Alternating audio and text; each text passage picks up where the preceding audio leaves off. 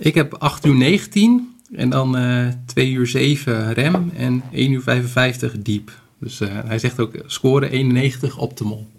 Heb je 8 uur 19 geslapen? Ja. Wauw. ik is 7 uur 14. Twee uur minder dan jij geslapen vannacht. en mijn score is 80, maar nog steeds heel goed.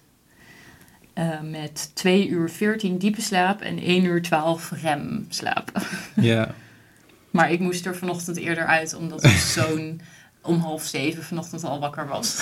en jij kon nog even doorslapen. Ik kon nog even doorslapen, maar morgen, uh, oh nee, vrijdag dan... Uh, doen we het andersom. Doen we het andersom, dus dan heb ik weer een slechte score. Ja.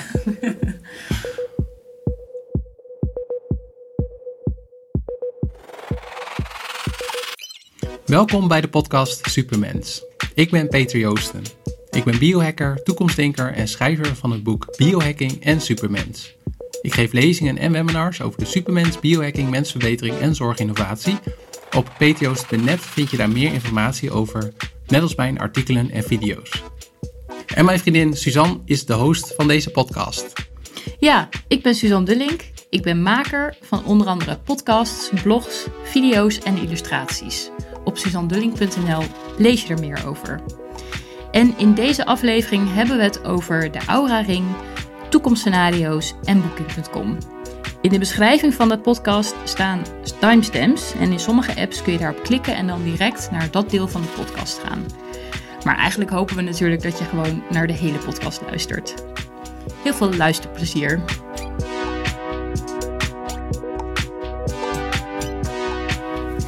Ja, laten we beginnen met de backstage pass. Uh, met drie uh, ja, dingen, uh, meer met achtergrondinfo. Allereerst iets persoonlijks. Ja, ik ehm, was op weg naar Eindhoven in de trein vanuit Utrecht. en dat deed ik begin april. En dan kom je altijd met de trein over het, ehm, denk ook over de Waal. Maar in ieder geval kom je ook over de Amsterdam-Rijnkanaal bij Houten. En toen ik daar overheen ging, toen zag ik dat ze allemaal aan het werk waren op de, op de kade van de Amsterdam-Rijnkanaal. En dat deed me denken aan, uh, aan de tijd dat, uh, dat ik heb geroeid en jij ook hebt geroeid. Dus ja, daar kennen we ook elkaar ook van, trouwens. vanaf van, van de roeivereniging toen in Groningen. Maar ja, ik moest eraan denken, want dan heb je één keer per jaar heb je de, de varsity. Dat is dan in, in Houten. En wat ik daar zo bijzonder aan vind, is dat je het hele jaar ben je aan het trainen in, nou, zo goed mogelijk roeiwater. Dus wij trainden bij Egir ook wel op het Winschoten Diep. En dat was ook niet altijd heel goed roeiwater. Want um, je hebt dan van die stalen in zo'n, zeg je dat, in zo'n... Kanaal. In zo'n kanaal, ja. ja. Die stalen zijkanten. Stalen zijkanten. Ja. En wat daar het, het rotte van is, is dat daar als daar een boot doorheen gaat, ook een grote boot of een roeiboot, dan knallen die golven knallen weer terug. En als je aan het roeien bent, is dat... Uh, ja, zit je echt een beetje te, te schobbelen eigenlijk in je boot. Mm -hmm. En bijvoorbeeld op, het, uh, op de Bosbaan, in, dat is de bekendste roeibaan volgens mij van Nederland in, uh, in Amsterdam. Hebben ze echt aan de kant heb je van die, uh, van die riet en nou, in ieder geval dat die golven zoveel mogelijk worden gedempt. Alleen, ja. ik kan me nog herinneren van de varsity, want ik heb hem twee keer gedaan. Jij hebt hem Eén keer, één keer geroeid. Dat, het, dat dat eigenlijk nog meer eigenlijk stuiteren was dan ook in het, in het windschoten diep. Met, ja, al die golven eigenlijk aan de zijkant. Ja, het is een redelijk uitzonderlijke wedstrijd om echt op zo'n groot kanaal uh, een roeiwedstrijd te doen. Ja, ja. Het, het, is ook eigenlijk een beetje een vreemde eend in de bijt tussen alle andere wedstrijden. Maar Ja. hij staat ook, die wedstrijd staat ook wel bekend als de wedstrijd van het jaar. Ja, ja. Ja. zeker onder alle studentenroeiverenigingen. Dan is het ook heel belangrijk dat je de, De varsity wint. ja, de oude vier dan, eh, dat is eigenlijk het hoofdnummer van, dat, eh, van die dag. En dan, eh, als je die ook wint, dan ehm, eh, volgens mij is dan zeg maar de, hoe heet dat, de kroeg van het studentenkoor, waar die vereniging dan eh, vandaan komt, die moet dan ook eh, open zijn voor alle andere Ja, dan wordt het verenigingen. één groot feest. Dan wordt het één groot feest. Ja. Nou, dat hebben wij met EGR nooit. In Groningen. wij, wij zeg maar. Volgens mij was het toen, toen we daar nog studeerden, was, ging het ook altijd over. Dan en dan was de laatste keer. En wanneer is weer de... Ja, dat was echt in de jaren 70 of in de Ja. jaren 80 of zo. Ja. En dan hoorde ik wel van die verhalen dat, ehm, dat er... ehm, nou, ik weet niet of dat echt geweest gebeurt, maar dat ook een bar uit Vindicat, dat is dan waar de EGIR een soort van dochtervereniging van is, dat die ook op de grote markt in Groningen is gezet door uh, heel veel roeiers of zo. Ja. En uh, nou ja, helaas heb ik, dat lijkt me wel heel bijzonder om dat mee te maken. Maar... Ja, het was echt zo heel studenticoos Ja, het was heel studenticoos, ja. En wat, wat trok jou toen aan om te gaan roeien eigenlijk? Ja, uh, vooral het sportieve gedeelte eigenlijk. Uh, ook wel het idee van een soort studentenclub uh, om, voor de gezelligheid. Maar ik wilde nooit bij echt een studentenvereniging. Dat vond ik echt ja, too much. Maar het idee dat je ook sportief bezig was en ook wel buiten op het water. Het, roeien sprak me ook heel erg aan. die combinatie van ja, een verenigingsgevoel, maar wel echt dat sportieve ook erbij. Die, dat leek me heel erg leuk. ja. En uh, ja, we hebben dan allebei in Groningen ge geroeid, gestudeerd en geroeid. Waar we elkaar ook hebben leren kennen. Dus dat is wel heel erg leuk. Ja. En um, ja, ik, ik ben allebei wel redelijk fanatiek geweest met wedstrijden, roeien. En uh, onze ploegjes, die zien we ook, ook nog steeds en zo. Dus het heeft ook wel wat weg van een studentenvereniging. Maar ja, juist dat sportieve gedeelte eraan maakt het ook nog een beetje... compenseert het uh, de feestjes en zo. Ja. En die dingen. Ja.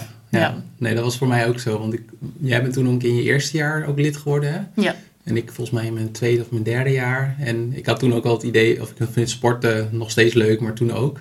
En dat met roeien heb je nog wel, kan je nog best wel snel op redelijk hoog niveau nog wel sporten. En dat, ik zat dan in een, uh, in een uh, acht, ook op boeg trouwens. Dus er zaten in de zekere zin was ik de eerste, was ik, zat ik vooraan. maar goed, dan waren er zeven jongens voor mij en dan nog de stuurman. Helemaal aan de andere kant, zeg maar. En, en de boeg wordt eigenlijk een beetje gezien als... Uh, nou? Ja, de, de, ja, god. De, die, nou ja, die maakt het iets, iets minder uit hoe ja. goed de techniek is. En, ja. Uh, ja, want dat is eigenlijk de slag die helemaal vooraan zit, wat jij ook was. Dat was ik, ja. ja. Die doet eigenlijk de rest, die, die geeft het tempo aan. Het tempo ja, ja, en, en dan, uh, dan heb je midden heb je de wat grotere jongens, de powerhouse wordt dat genoemd. Nou was ik ook niet. en dan het, uh, ja, zat ik op boeg. En er wordt gewoon gezegd dat ze technischer zijn. Ja, jawel. De, de, de voorste en de achterste die zijn wel het meest technisch. Ja, ja. En wat ik nog wel leuk vond ook aan mijn tijd toen is dat het ook... Uh, dat als je dan wordt ingeselecteerd voor zo'n acht, dat je dan ook, uh, heb je een heel groot feest. En vanaf dat moment mag je ook geen, uh, geen bier meer drinken, moet je elf uur thuis zijn. Dus dat wel een soort van, ja, een soort van een beetje gevoel van topsporter zijn. Dat vond ik toen heel erg leuk. En, ja, uh, ik heb dat, dat ook geprobeerd te worden, maar ik was uh, niet ingeselecteerd. Nee, nee. Maar... ik was wat te klein. Oh, te, ja, ja. Daardoor wat minder sterk dan de andere dames. Ja, en het voordeel van heren is dan dat je ook nog wel uh, zwaar en lichte hebt. En bij dames heb je, zeker in, voor de eerste jaars, heb je volgens mij alleen uh, gewoon één categorie. Ja, je hebt ook lichte dames. Ja. Maar daar, dat, daar deden wij niet aan mee met de studentengroep. nee, precies. Nee. Voor dames dan. Nee. Ja, en ik moet zeggen, we wonen dan in Amersfoort en dan bij de EEM heb je ook een roeivereniging. En als ik dat dan zie, zeker zo'n skif of zo, dus dan één persoonsboot, dan, uh, en het is heel mooi weer, dan kriebelt het wel bij mij. Maar ook, ik moet wel zeggen, het kost ook zo ontzettend veel tijd. Dan, uh, ja, klopt. Voor een uurtje roeien, ja. die boot uh, in het water en dan na afloop weer schoonmaken en alles wegleggen, wegzetten. Je moet dingen ook best wel, ja, het is veel gesjouwen en gedoe. Ja. ja maar het is ja. wel heel erg, ik vind, blijf het heel erg leuk vinden, zeker. ja. Dus, uh, het, uh, leuke tijd en uh, wie weet dat we ooit wel weer gaan roeien. Ja, dat zou kunnen, ja. ja. Het is sowieso echt ook wel een hele gezonde sport. Dat je ja, lekker buiten bent en alle spieren eigenlijk traint. Ja, dat ja. is ook waar. Want je doet eerst, want dan merk ik nog wel eens als ik bij de sportschool, bij CrossFit ga roeien dan hebben wij wel het voordeel dat we gewoon wel die techniek is er gewoon ingerand in al die yeah. uren. Maar dat het inderdaad, het is eerst benen, dan rug, dan armen. Dus het is wel echt een full body workout eigenlijk. Ja, terwijl heel veel mensen het echt op hun armen doen. Ja. Maar dat, het is juist eigenlijk vooral benen, je benen gebruiken. Ja. Ja. Nou, leuk. ja. Leuk om uh, dat dan te zien uh, langs het Amsterdam-Rijnkanaal. Ja, uh, zeker. Ja. Er komen allemaal weer herinneringen naar boven. Ja. Dat is wel, echt wel tof. Ja, precies. En op zakelijk vlak? Nou, wat ik leuk, ook leuk vind om te vertellen is dat ik uh, twee weken geleden um, had ik een lezing voor Heyday. En dat is een bedrijf wat in facilitair management werkt. Dus die nemen eigenlijk het facilitair management ook over van kantoren of van fabrieken. Dus dan, dat is echt heel, dat is echt super breed van van uh, volgens mij, ja, gewoon van gebouwonderhoud tot veiligheid tot uh, inkoop. Dus al, eigenlijk al, al dat soort dingen. En uh, dat was in het Nationaal Militair Historisch Museum, als ik het goed zeg, in, in Soesterberg. En ik was al eerder in die zaal geweest voor Sectra een paar jaar geleden. Dus wel leuk om dan weer op zo'n. Zo, natuurlijk is het ook leuk om zeg maar, te spreken in allerlei andere congrescentra, maar dit soort, dit soort dingen vind ik wel de krent in de pap. Nou, wat ook wel goed was, is dat de directeur die gaf een, uh, eerst een lezing voor mij, of een toespraak.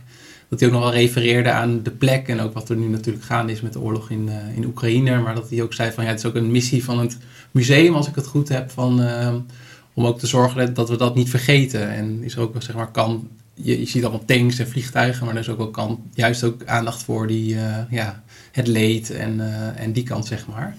Precies, ja, veel oorlogsmusea is het, nou ja, natuurlijk ook wel de verhalen, maar heel veel mensen zijn dan vooral onder de indruk van uh, die vliegtuigen en tanks en zo. Ja, ja er waren ook heel veel kinderen. En, uh, ja, precies. Maar toen ik binnenkwam, toen uh, werd ik ook al gelijk geleid van, oh, je, je ben je voor Heyday? ja, oké. Okay. Want blijkbaar, wel, ik was gewoon in mijn eentje, zeg maar. Ja, je bent niet met je kinderen op pad. Nee, nee, maar het lijkt me wel echt een leuke plek om ook met kinderen naar, naartoe te gaan. Maar de, het grappige van, van die lezing was um, is dat het een in, facilitair management is. Maar ze wilden juist even iets anders. Dus um, ik had het dan echt over de supermens.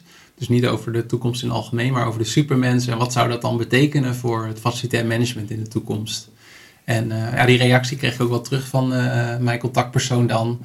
Van dat, ze dat, uh, dat ze het heel leuk vonden, heel interactief. En juist ook ja, gewoon even op een andere manier kijken naar hun werk en naar de toekomst. Kun je daar heel kort iets over zeggen? Over de rol van de supermens bij facilitair management? Nou, een van de voorbeelden, ik had het verhaal verteld over uh, Danny, Danny Jager. Dat is ook, uh, zit ook in mijn boek Supermens. En dat is een jongen heeft een dwarslezing en heeft via crowdfunding een exoskelet uh, ja, gefinancierd waar hij nu in traint. En wat je dus heel vaak ziet met medische technologieën is dat dan, zoals een exoskelet, dat dat niet alleen wordt gebruikt bij mensen met een dwarslezing zoals Danny, maar dat dan ook het Amerikaanse leger of fabrieken zoals uh, bij Ford in Amerika, maar ook de Nederlandse marine, die gebruiken ook exoskeletten voor gezonde mensen. Met name om ze te ondersteunen in, uh, nou, als ze veel boven hun hoofd moeten werken. Of, dus dat was ook mijn, een van mijn verhalen. Van ja, wat voor plek hebben die exoskeletten ook in jullie fabrieken, die jullie beheren, of in, kantoren. Of, dus dat was zeg maar één voorbeeld van ja, waar ik het over heb gehad. Ja, leuk, leuk. En het derde punt is waar we het elke keer over hebben, kort, is toekomstscenario's. En jij hebt een gastles gegeven uh, bij de TU Eindhoven. Ja, dat was ook de reden waarom ik over het Amsterdam-Rijnkanaal kwam. Omdat ik op weg was naar Eindhoven. En uh, wat wel leuk was, is dat dit de vijfde keer op rij was. Voor, uh, op, bij de Master Human Technology Interaction word ik elk jaar gevraagd om een gastles te geven. En ehm, wat ik daar altijd wel leuk aan vind, is van uh, ik krijg daar een, uh, een, boekenbon voor. Dus het is vooral leuk om te doen. En uh, waar ik het ook voor gebruik, is om nieuwe dingen te proberen en uit te, ja, uit te proberen eigenlijk. En omdat een van mijn aandachtspunten dit jaar ook is om meer te gaan doen met toekomstscenario's en scenario planning, heb ik ook een, ja, een, een verhaal gehouden in het Engels, een keynote gehouden over wat is scenario planning, uh, wat zijn de stappen om te komen tot het toekomstscenario en ook wat is de kracht van uh, storytelling. Nou ja, ik heb ook iemand gevraagd, Roosmarijn, om dat uh, te filmen. Dus ik ben nu ook die video's aan het bewerken. En het tweede uur van die gastles heb ik ook een workshop begeleid. En het leuke daarvan heeft Roosmarijn ook een video gemaakt. En in de, die staat nu, als deze podcast uitkomt, ook online. Samen met de pagina over scenario planning. Dus als je straks thuis komt, ik weet niet wanneer je dit luistert, luisteraar op de fiets of in de auto, als je straks even thuis komt, als je naar ptoost.net slash scenario-planning gaat, dat is de pagina waar dan meer informatie staat en waar op termijn ook die video's komen te staan van, uh, ja, van die gastles. Ja, leuk. Leuk dat uh, ze jou ook elk jaar vragen dan bij uh, Eindhoven, ja. de universiteit. Ja, ja, ik vind, ja, ik weet niet, ik vind student altijd leuk, leuk publiek en ehm, ja, en dan heb ja, voor mijn gevoel heb ik dan ook iets meer marge om dingen te testen, dingen te proberen. En dan als het daar werkt, dan ga ik het ook nog een keer bij een nou echt een echte wou ik zeggen, maar een commerciële klant zoals het Heyday wat ik net noemde. Daar zitten, zaten ook wel elementen in die ik eerder een keer bij studenten heb uh, geoefend. Ja, precies. Ja. En de deep dive van vandaag uh, is dan ook toepasselijk. Dat is namelijk, wat is scenario planning nou eigenlijk? Want we hebben het er wel eens kort al over gehad en uh, je noemt het ook wel vaker. Maar vertel eens daarover. Want het is eigenlijk heel relevant, uh, niet alleen voor, ja, voor uh, jouw werk zelf op het gebied van de supermens, maar eigenlijk voor heel veel bedrijven, eigenlijk voor iedereen. Ja, ja dat, ehm, wat, nou, wat is scenario planning? Dat is meer van als je in een bedrijf werkt of in een organisatie, van hoe kun je dan nadenken over de toekomst? En er komen allemaal, zijn allemaal grote ontwikkelingen. Ehm, bijvoorbeeld de klimaatcrisis of nieuwe technologieën die opeens ontstaan. Of uh, misschien uh, veranderen je klanten. Of uh, misschien komt er een pandemie of een oorlog. dus je hebt geen idee hoe de toekomst eruit ziet. En in management denkers noemen dat ook wel een VUCA-wereld. Dus een wereld die is volatile, uncertain, complex en ambigu. VUCA. V-U-C-A. Ja. ja. En de vraag is van ja, hoe moet je daar dan mee omgaan als, uh, als bedrijf? Nou, dan kun je natuurlijk, je hebt een strategie van zo, dit willen we doen in de komende vijf jaar of tien jaar.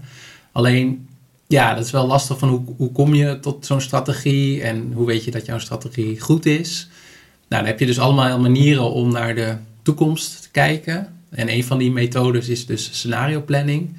En wat je dan doet, is dat je, dat je kijkt naar wat zijn nou relevante trends en ontwikkelingen en daar maak je een analyse van. Dus even heel kort hoor, eh, hoe dat gaat. En dan zeg je van wat zijn nou de twee belangrijkste die de grootste impact hebben op je bedrijf, op jouw toekomst. En die ook eigenlijk het belangrijkste zijn. En die kun je dan uh, plotten. En op basis daarvan heb je ja, een soort van, uh, kun je vier, ja, in dit geval vier, maar het kunnen er ook twee zijn, verhalen maken over, een schetsen maken van hoe die wereld er dan uitziet. Dus bijvoorbeeld, ehm, eh, ik had een eh, voorbeeld gegeven van dat als je de klimaatcrisis, bijvoorbeeld één scenario is ehm, dat we de klimaatcrisis oplossen met technologie. En andere is dat de wereld naar de knoppen gaat. Ehm, en je zou bijvoorbeeld ook nog nadenken van, hebben we dan als mensheid actie ondernomen of niet? en in, in, al die in al die gevallen kan ook de, het resultaat hetzelfde zijn. Nou, de wereld is gered of de wereld is niet gered. En vervolgens heb je, die, heb je een aantal van die scenario's. En dan probeer je ook zo goed mogelijk in te leven hoe, hoe, hoe die wereld er dan uitziet. Dus uh, oké, over 50 jaar is de, helft van Nederland overstroomd. Um, nou ja, wat betekent dat voor mijn bedrijf? Of um, uh, zijn er nog wel genoeg uh, werknemers? Of moeten we dan andere producten of diensten aanbieden? Of misschien heb je dan wel super intelligente um, robots. Dus al dat soort dingen ga je dan over je ga, ga je over nadenken, ga je beschrijven. En zo levendig mogelijk maken, zodat het echt uh, ja, zodat het heel sprekend is. En het gevolg daarvan, als je dat die oefening. Het is best wel een lang, of een, ja, lang proces. Het voordeel is dan dat je uiteindelijk als eindresultaat niet weet wat de toekomst is. Want die fout wordt al vaak gemaakt. Maar wel dat je doordat, doordat heel, dat je heel actief met die onzekerheden en met die toekomst bezig bent, dat je dan wel geïnspireerd raakt, dat je nieuwe ideeën krijgt, dat je misschien ook geconfronteerd wordt met, uh, nou, misschien, ja, met, met hoe het nu gaat. Dus het, het is meer een soort van manier om je, ja, jezelf te prikkelen en op andere ideeën te komen. Want in heel veel, ook als ik, veel als ik lezingen geef, mensen zitten uh, toch wel best wel vast in het hier en het nu. En dat snap ik ook wel, want je hebt ook gewoon dingen die je vandaag in je werk moet doen. Of nou, een drukke gezinssituatie. Dus je komt er niet altijd toe om goed over de toekomst na te denken. En zo'n scenario planning is een hele creatieve manier, omdat je heel veel verhalen, heel veel verbeelding gebruikt, om als het ware dan weer in het hier en nu na te denken van oké, wat betekent dat dan als, we, als die toekomst eraan komt? Wat zouden we dan nu moeten doen? Dus dat is het uh, in hele grote stappen eigenlijk uh, het idee achter, achter scenario planning. En het leuke is dat ik ook een paar voorbeelden heb gegeven in, in die lezing. bijvoorbeeld van als mensheid waren we altijd al geïnteresseerd in de toekomst. Dus ik had, had het over het orakel van Delphi, die, uh, waar je in Griekenland uh, naartoe kon vroeger om een uh, advies te krijgen. En Ik geloof dat het antwoord dan altijd een soort van raadsel was. Zoals een orakel betaamt. Ik dan denken aan de orakel uit de film Matrix. Ja. maar een bekend voorbeeld is... Ehm, ehm, nou, ik heb het net over klimaat gehad, maar een bekend voorbeeld is Shell. En dat is al een wat ouder voorbeeld, maar die komt heel vaak op. Is dat zij in de jaren 70 dacht iedereen eigenlijk dat de prijs van olie alleen maar omhoog zou gaan. En toen hadden ze in een van de. Zij waren dan ook het enige bedrijf dat bezig was met scenario planning. En een van de scenario's uh, waar de topmanagers en uh, ja, het board toen mee aan de slag was gegaan, was eentje was van de prijs van olie gaat naar beneden. En toen hebben ze daar, hè, wat moeten we dan doen? En, en op een gegeven moment gebeurde dat dan, dus twee, twee jaar later. En toen was eigenlijk alle concurrenten hadden echt zoiets van, wat is dit? Wat is er aan de hand? En toen was, ja, Shell was, zeg maar, had daar al eerder over nagedacht. En dat zorgt er ook voor dat ze ook van positie 8 uh, op de wereld uh, tweede zijn geworden in een paar jaar tijd. Dus dat, dat is, en een, uh, ik had ook nog de gastles over Cisco, die hebben ook scenario planning gedaan. Het wordt ook heel veel in een marketingcontext gedaan, van hoe gaan klanten veranderen? Zijn ze meer ook bewust van duurzaamheid of vinden ze juist uh, uh, lage kosten belangrijk? Dus je kan het voor allerlei dingen kun je het, uh, kun je het inzetten. Ja, dus als ik het goed begrijp, is het niet, niet een soort van dat je er een concreet plan mee kan maken in die zin, maar wel dat je scenario's kunt uitdenken die mogelijk in de toekomst zouden kunnen plaatsvinden. En mocht dat dan zover zijn en mocht het gebeuren, dat je dan erover na hebt gedacht en enigszins voorbereid bent op die, ja, dat scenario, op die toekomst. Ja. Dus uh, eigenlijk is het ook wel goed om verschillende scenario's uit te werken. Ja. En niet vast te houden aan één scenario. Precies, en het is ook wel een, uh, een veelgemaakte fout of dat je ook een favoriet scenario hebt, maar dat, ja. uh, of dat je dan hoopt dat die uitkomt. Ja, maar of eigenlijk... dat je denkt dat die uitkomt, of ja, verwacht dat die uitkomt. Dus daarom is het ook wel goed om, uh, ja, om ook best wel extreme dingen te benoemen in die scenario's, zodat je echt je verbeelding een beetje wordt, uh, wordt opgerekt. En in aansluiting op wat jij net zei, is wat ook wel vaak wordt uh, genoemd, is uh, zogenaamde windtunneling. Dus wat je ook hebt met auto's en, nou, ik ken het ook nog van wielrenners die dan ook in een windtunnel gaan zitten om te kijken hoe ze aerodynamisch zijn. Ja. En je kan dan op dezelfde manier kun je een, je huidige, wat je nu doet, of je strategie, kun je dan windtunnelen ten opzichte van die scenario's. En dan kun je zien van, nou, onze strategie is blijkbaar robuust, want in drie van de vier scenario's uh, doen we nog steeds goed met deze strategie. Of dat je ziet van, oh, de strategie die we nu hebben, die werkt eigenlijk maar in één van de vier scenario's. Misschien moeten we dat aanpassen. Dus uh, ja, het zijn echt verschillende uh, ja, toepassingen voor. Ja, ja. En hoe pas jij scenario planning in jouw werk toe? Tot nu toe uh, door zelf verhalen, toekomstscenario's te schrijven. Dus ik heb dat bijvoorbeeld gedaan door voor Future Based. Ik heb dat bijvoorbeeld gedaan door voor uh, Instituut Klingendaal. En een andere vorm is dat ik ja, organisaties begeleid, um, oftewel door een, uh, door een keynote om die ontwikkelingen te schetsen. En laatst had ik ook een opdracht bij Inclusio, die werken veel in het sociaal domein, dus jeugdhulpverlening, schuldhulp, dat soort dingen. En die hadden, had ik een uh, keynote gegeven met ja, de relevante ontwikkelingen. En daarna had ik, hadden ze een hackathon en ik had dan ook een rol als een soort van expert tijdens die hackathon. En zij gingen in de hackathon gingen ze dus aan de slag met oké, okay, um, wat zijn relevante ontwikkelingen voor ons en hoe ziet dan de dienstverlening van ons bedrijf eruit over tien jaar? Wat ook een soort van, ja, soort van scenario planning is. En, ja. Um, ja, dus dat zijn nu de, de manieren waarop ik er zelf mee bezig ben. Ja, okay. interessant. Ja, het uh, biedt veel mogelijkheden, denk ik. Ja, ik vind het erg leuk. Ik vind lezingen geven leuk en, uh, en webinars. Maar ik merk wel dat die dit toekomstscenario's, daarom is het ook wel een item wat elke keer terugkomt, ook uh, in onze podcast de laatste keren, is dat het ook net wat creatiever is of zo. Net, uh, ja, en dat, dat, dat is wel iets waar ik zelf wel behoefte aan had. Dus ik vind het echt wel tof om ermee aan de slag te zijn. Ja, en ook iets meer open-ended in plaats van een lezing waarin je vertelt van nou deze ontwikkelingen zijn er en hier kan het naartoe gaan. Ja. Dat mensen zelf meer aan de slag gaan en dat, uh, dat je ook wel mensen bewust maakt van dat de mogelijkheden eigenlijk eindeloos zijn. Ja. Want wie had er nou gedacht dat er een pandemie zou zijn geweest uh, vijf jaar geleden? Ja. Had niemand verwacht ja, Tenminste, behalve een aantal wetenschappers. Maar, Virologen hadden het wel zien Ja. aankomen. dus, eh, ja. maar de gemiddelde mens. Nee, nee, zeker niet. Ja. En hetzelfde geldt nu ook voor de oorlog natuurlijk in eh, Oekraïne. Ja. Interessant, ja. Oké, laten we eh, doorgaan naar de, de bullets. We hebben altijd drie leuke ja, dingen die eh, we hebben gelezen, gezien. eh, een tool, een technologische tool. Ehm, allereerst een boek wat jij hebt gelezen. ja, ik heb het boek gelezen De Machine. En dat is een boek van eh, Stijn Bronswaar, Merijn Rengers en Joris Kooijman. Ze zijn alle drie ook redacteur bij de NRC, eh, NRC-krant. En zij hebben een boek geschreven over de machine en dat boek gaat over booking.com.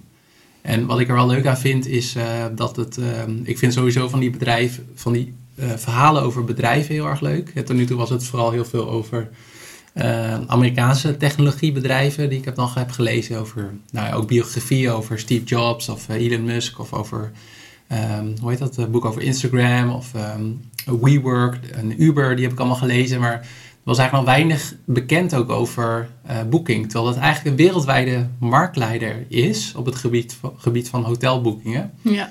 En, En- een Nederlands En oorsprong. een Nederlandse oorsprong. Ja, het is ondertussen eigendom van Priceline, dat is een Amerikaans eh, bedrijf. Maar ehm, ja, het is opgericht door een, eh, en dat staat wel leuk beschreven in het boek, door een eh, student van de Universiteit van Twente.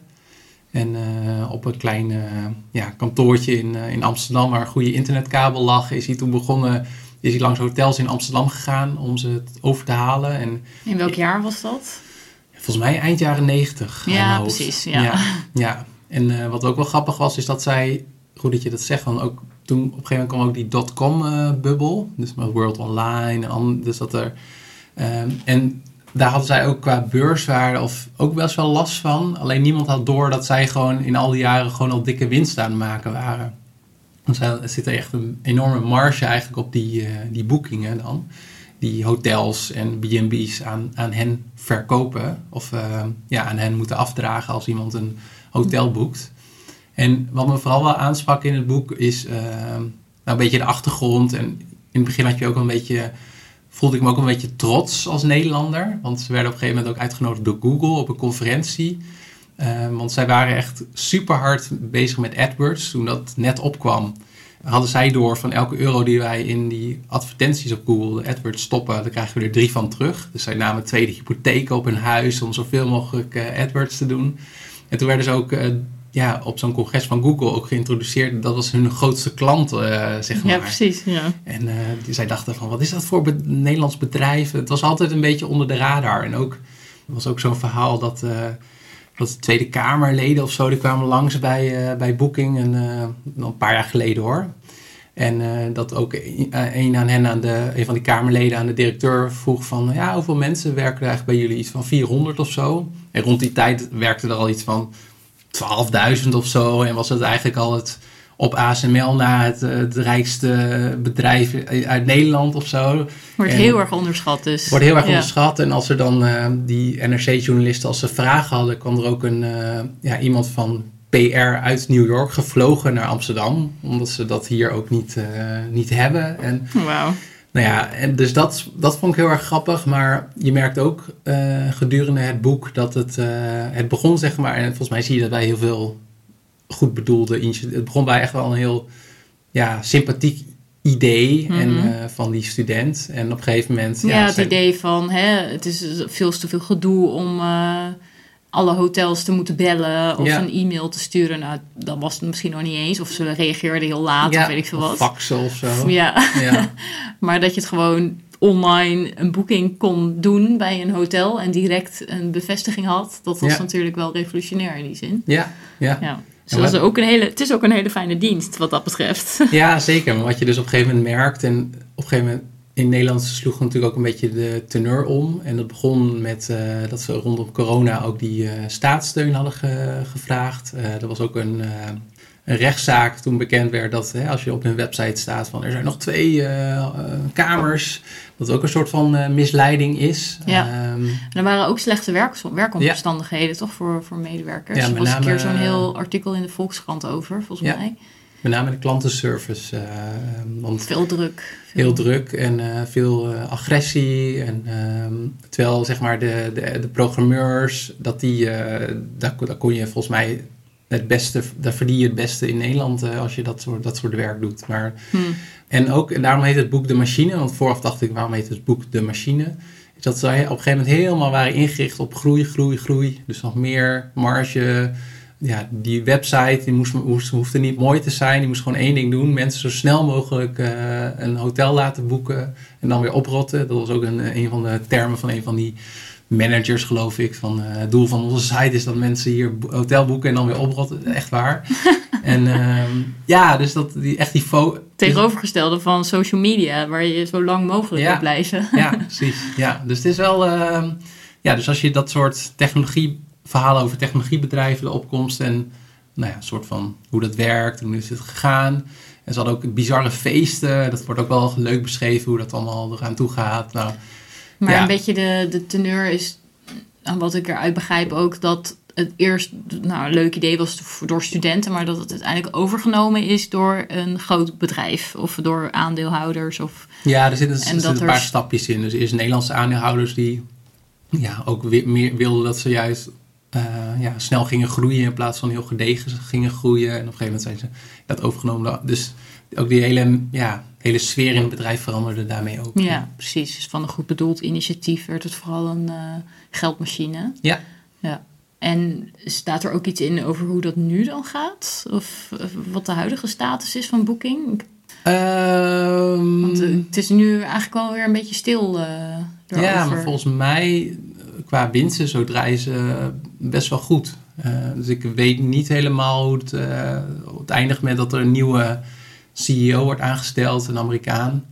En uh, die wil dingen weer anders doen. En ja, het echt precieze einde heb ik niet zo scherp. Maar volgens mij eindigt het zeg maar in 2020 of zo. Of begin ja, 2021. Precies. Ja, ja. oké. Nou ja, ik ben benieuwd of er nog weer verbeteringen zijn geweest wat betreft uh, werkomstandigheden en dergelijke. Maar dat is... Uh... Ja, nee, dat weet ik niet. Nee. nee. Nou, wel, dat soort boeken zijn wel interessant, ja. Ja, zeker, ja. De machine, wel een aanrader. De machine. En een tool of tech, die we ook altijd bespreken. Ja, ik wou het hebben over de Aura-ring.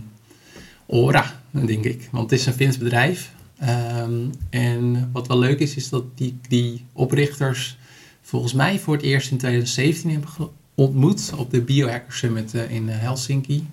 En wat ik heb begrepen is dat je hebt in uh, Finland heb je ook Car, ik weet niet of Carmen is, nu zeg ik heel iets geks. Misschien Sunto, denk ik. Dat klinkt wel meer Fins dan Garmin in ieder geval. Ja. Maar een aantal van die mensen uit dat bedrijf die zijn dus een uh, Aura begonnen, Aura. En dat is een, uh, een slimme ring. Want sowieso is Finland wel redelijk bezig met biohacking en dat soort tech dingen. Maar ook wel van die supplementen, voedingssupplementen en ja, dergelijke. Komt veel uit Finland. Ja, je hebt ook inderdaad Kappa Health. Dat zijn mijn uh, hoe heet dat? extracten van paddenstoelen die ik uh, neem. En je hebt ook van die uh, zo'n groene, groene mix. wat je, waar, wat ja. je aanlinkt met water. Met, allemaal, met alle, alles wat je nodig hebt op een dag qua voedings. Ja. Maar ook van die paddenstoelen poeders voor soort van thee. Voor Sigmatic. Ja, ja, die dingen. Dat komt ook uit Finland. Ja. En de jongens van Timu en hoe heet die andere twee? Nou, Timu, Arina en zijn companen, die zijn ook Fins. Dus op de een of andere manier, ja, Jaco, herinner ik me nu. Ja, die Finse namen, ja, we hebben hier wel zo'n boek van hun over biohacking. handboek, ja.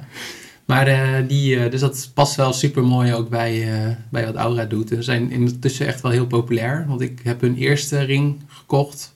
Ja, dat was een heel grote unit. Ja, een hele grote unit. Um, toen ook de tweede en sinds kort heb ik de derde versie. Ja, want het is simpel gezegd een ring ja. in plaats van een smartwatch is het een smart ring. Ja. ja, dat is eigenlijk. En er zitten allemaal sensoren in de ring. En het idee is dat je dat die sensoren, dat je, dat je huid op je vingers, dat die wat uh, minder dik is dan om je pols. Dus dat dat het idee is dat dat dan wat beter kan meten wat je hartslag is, wat je lichaamstemperatuur is. En ja, Aura combineert eigenlijk al die, al die datapunten in een aantal uh, metrics, hoe zeg je dat? Een aantal statistieken, namelijk hoeveel je beweegt, je activity. Maar dat, die gebruik ik eigenlijk niet heel veel. Ik gebruik eigenlijk wel mijn eh, Garmin horloge om vooral te kijken hoeveel stappen ik heb gezet. En je hebt de, de, eh, wat ik interessanter vind is je readiness score en je slaapscore. En met name slaapscore die kijk ik eigenlijk elke ochtend nadat ik wakker ben geworden. En dan eh, moet je met Bluetooth kun je dan synchroniseren met, eh, met een app op de telefoon. En die geeft dan een eh, score van 0 tot 100 procent. En eh, dan laat hij ook zien van, eh, nou, dit- je hebt zoveel tijd heb je in eh, diepe slapen doorgebracht, zoveel remslaap, zoveel lichte slaap. Ja, voor mij is dat wel een.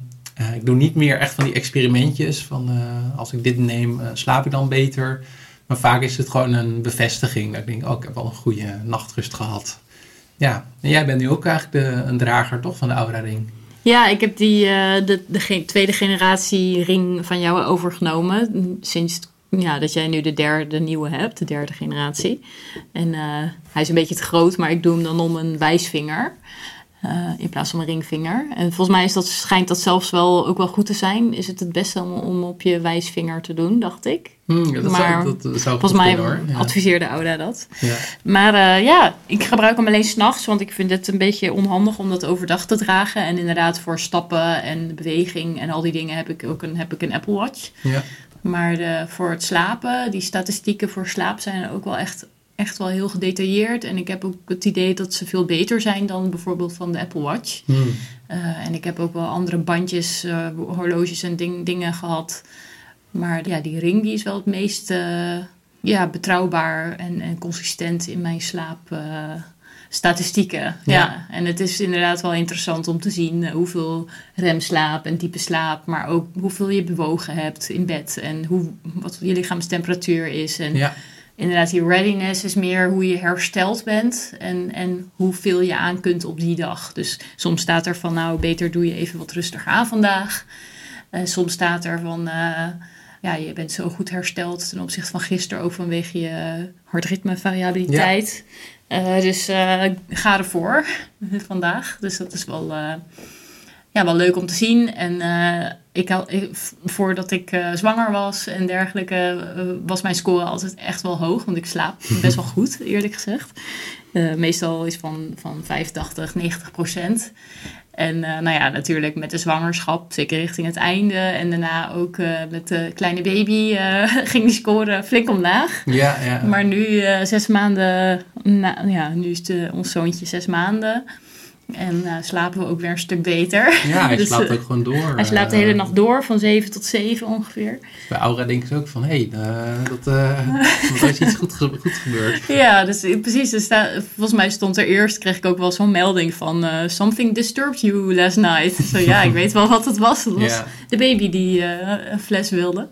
Maar eh, nu eh, slaapt hij door en is mijn score ook weer netjes eh, iets van 85% of zo. Dus ik mag niet, eh, ik mag niet klagen. Nee, Maar het is een fijne, een fijne tool. En eh, ja, je kunt ook alle statistieken terugzien van eh, heel lang. En dus ook- je kunt ook trends, een beetje trends eh, erin Mhm. ja, eruit halen. ja. Ja. ja, als ik toch een punt van kritiek... hij, hij is best wel duur, dus ik had... Ja.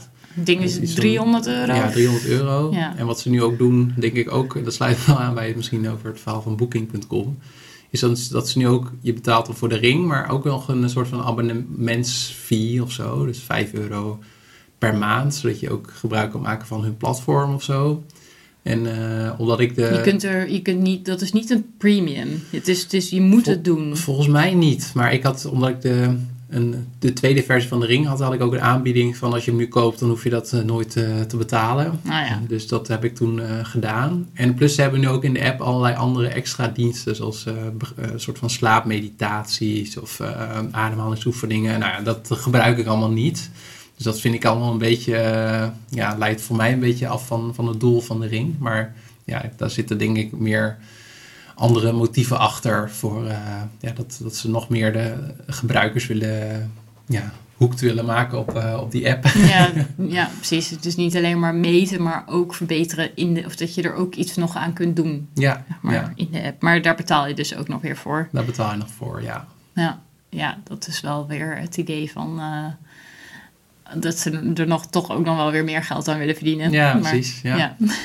Ja, maar voor nu ben ik eh, ja, super blij met mijn ring. En, eh, Ja. En voor mij eh, vind ik een nadeel, maar volgens mij is dat bij de derde generatie nu wel iets, is dat ze niet iets aanbieden, in ieder geval in de tweede generatie en de versie, de app-versie die ik heb, op het gebied van het meten van het bijhouden van je cyclus Hmm. en zwangerschap en dergelijke. Dat, ja, dat zou, want zoals de Apple Watch kun je dat allemaal wel in bijhouden.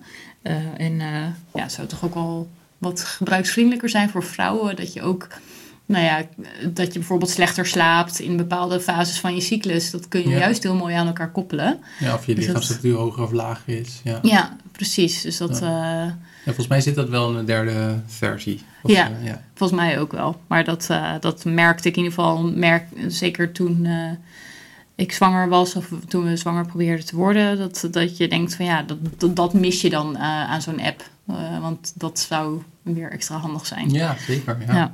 Toch wat meer de focus ook op de vrouw. Denk Ja. ik dat daar wel meer aandacht voor komt. Ja, Dus dat is wel een goede zaak. eens. Ja. En tot slot een documentaire die we samen hebben gekeken.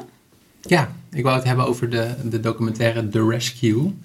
Die staat op National Geographic en ook op eh, Disney Plus. Disney Plus, ja. Ja. Want die, die bieden een National Geographic documentaires aan. Ah. Ja. En het gaat over, ik denk het verhaal wat de meeste mensen wel kennen, dat er een groep, een, vo- een jong voetbalteam van eh, ja, kinderen uit Thailand, die waren in een grot eh, gegaan in het noorden van Thailand. En toen is die grot overstroomd. Dus toen konden ze, ja, zaten ze eigenlijk een soort van, in eerst wisten ze ook nog niet of, ze, of die jongens, jongetjes nog leefden. En toen kwamen ze daar wel achter. En toen, eh, ja, hoe, hoe konden we ze ooit weer uit die grot krijgen? Eh, dus je, het, het knappe van deze documentaire vind, vond ik dat je, je weet hoe het afloopt. Ehm, maar toch om te zien hoe dat allemaal is gegaan, dat vond ik wel eh, ja, bizar. En ook de onwaarschijnlijke helden uiteindelijk, tenminste in mijn beleving, ogen van, ja, van die reddingsmissie. Dat vond ik wel echt, eh, echt wel heel tof. Ja. Wat vond jij daarvan? Ja, ik, het is echt een soort film. Volgens mij is er ook een film over gemaakt. Oh, dat zou kunnen, Naast de documentaire. Die heet volgens mij ook The Rescue. Maar, Verwarrend. ja. maar eh, wij hebben de docu gezien. Maar dat... eh, ik, ik, toen het op het nieuws was en zo, dat was in 2018, 19, Ik geloof het zoiets. Ja. dacht ik van, hoe, hoezo zitten die jongens nou al zo lang in die grot en waarom kunnen ze er niet uit? Weet je, Ja. van, van hoe moeilijk is het? Ja. Maar als je die, die documentaire ziet, dan, dan, dan snap je pas hoe extreem ingewikkeld dat is om die jongens daaruit te krijgen. En dat, dat het eh, een heel diep gangenstelsel is van die grotten. Dat is kilometers lang. En eh, met allemaal zijtakken. En, eh, en die kinderen, de- en, ook die, in dat dorp kennen ze die, die grotten op hun, hu- op, eh, op hun duimpje. Ja. En, de, de- ja, maar op de een of andere manier spelen die kinderen daar dan af en toe, maar steeg het water opeens heel snel of regende het heel erg Ja, opeens en konden ze niet meer terug. Maar ja, wel echt, echt heel indrukwekkend hoe dat, eh, hoe dat is gegaan. En nou ja, dat je op het einde ook denkt van gaat dit ooit nog goed komen? Maar dat, eh, ja. ja, dat is echt, het is echt, eh, echt als een film. Ja, Ja, nou, we kunnen wel een tip van de sluier oplichten van dan vrij snel volgens mij, of in een documentaire, dan zie je ook twee iets te, of ja, iets te dikke rond de Engelsen van de jaren 40 of 50. Maar die zijn samen met, denk ik nou, een handjevol anderen, zijn ze de experts op het gebied van grotduiken. Ja, Eh, cave diving. cave ja, diving. Ja, ja. En, eh, Dat is blijkbaar iets heel uitzonderlijks, wat weinig mensen doen. Het is ook levensgevaarlijk. ja, Want je moet eh, de weg weer terugvinden. En het is natuurlijk pikdonker. ja, En vaak ondiep. Of juist met stroming en weet ik wat allemaal. ja. En dat... eh, ehm, Ja, dus je had, de, Ja. je had die, de Navy SEALs van Thailand eh, ook ehm, ja, super, getraind, super getraind. Heel goed in duiken. Maar die, Ja. ja, Kreeg die, niet voor die elkaar. kregen het niet voor elkaar. En dus moesten echt Nee. een paar hobbyisten die... eh, En ze probeerden ook gewoon met, met, met pompen het, Ja. die, die grot leeg te pompen. Maar dat lukte ook niet. Dat, Ja. ja. Dus het, idee was nog om een soort van bovenaf eh, een, een gat te gaan Oh, ja. graven, helemaal naar beneden. Maar dat duurde veel te lang. Dan zouden die kinderen, ja, dus dat de zuurstof op zou zijn, zeg maar, in hun eh, stukje ja, waar ze zaten. Ja. Dat, eh, want, en dan zou misschien alles gaan instorten. ja, Dus eh, uiteindelijk spelen die, die cave divers echt ja, de hoofdrol Ja. in het heldenverhaal. Ja. Ja. En uiteindelijk hoe ze die kinderen ook weer... Nou, dat, dan moet je het echt voor kijken. Ja. Maar dan denk je ook echt, oké, Dat, dat, wat? dat wist ik ook allemaal niet. wat, nee, zo goed heb ik het toen ook niet gevolgd, Nee. het nieuws. Nee, Maar hoe, hoe ze die kinderen dan uiteindelijk eruit krijgen, dat is echt het kijken waard. ja, ja dus echt een eh, aanrader. Ja, zeker. Echt fascinerend.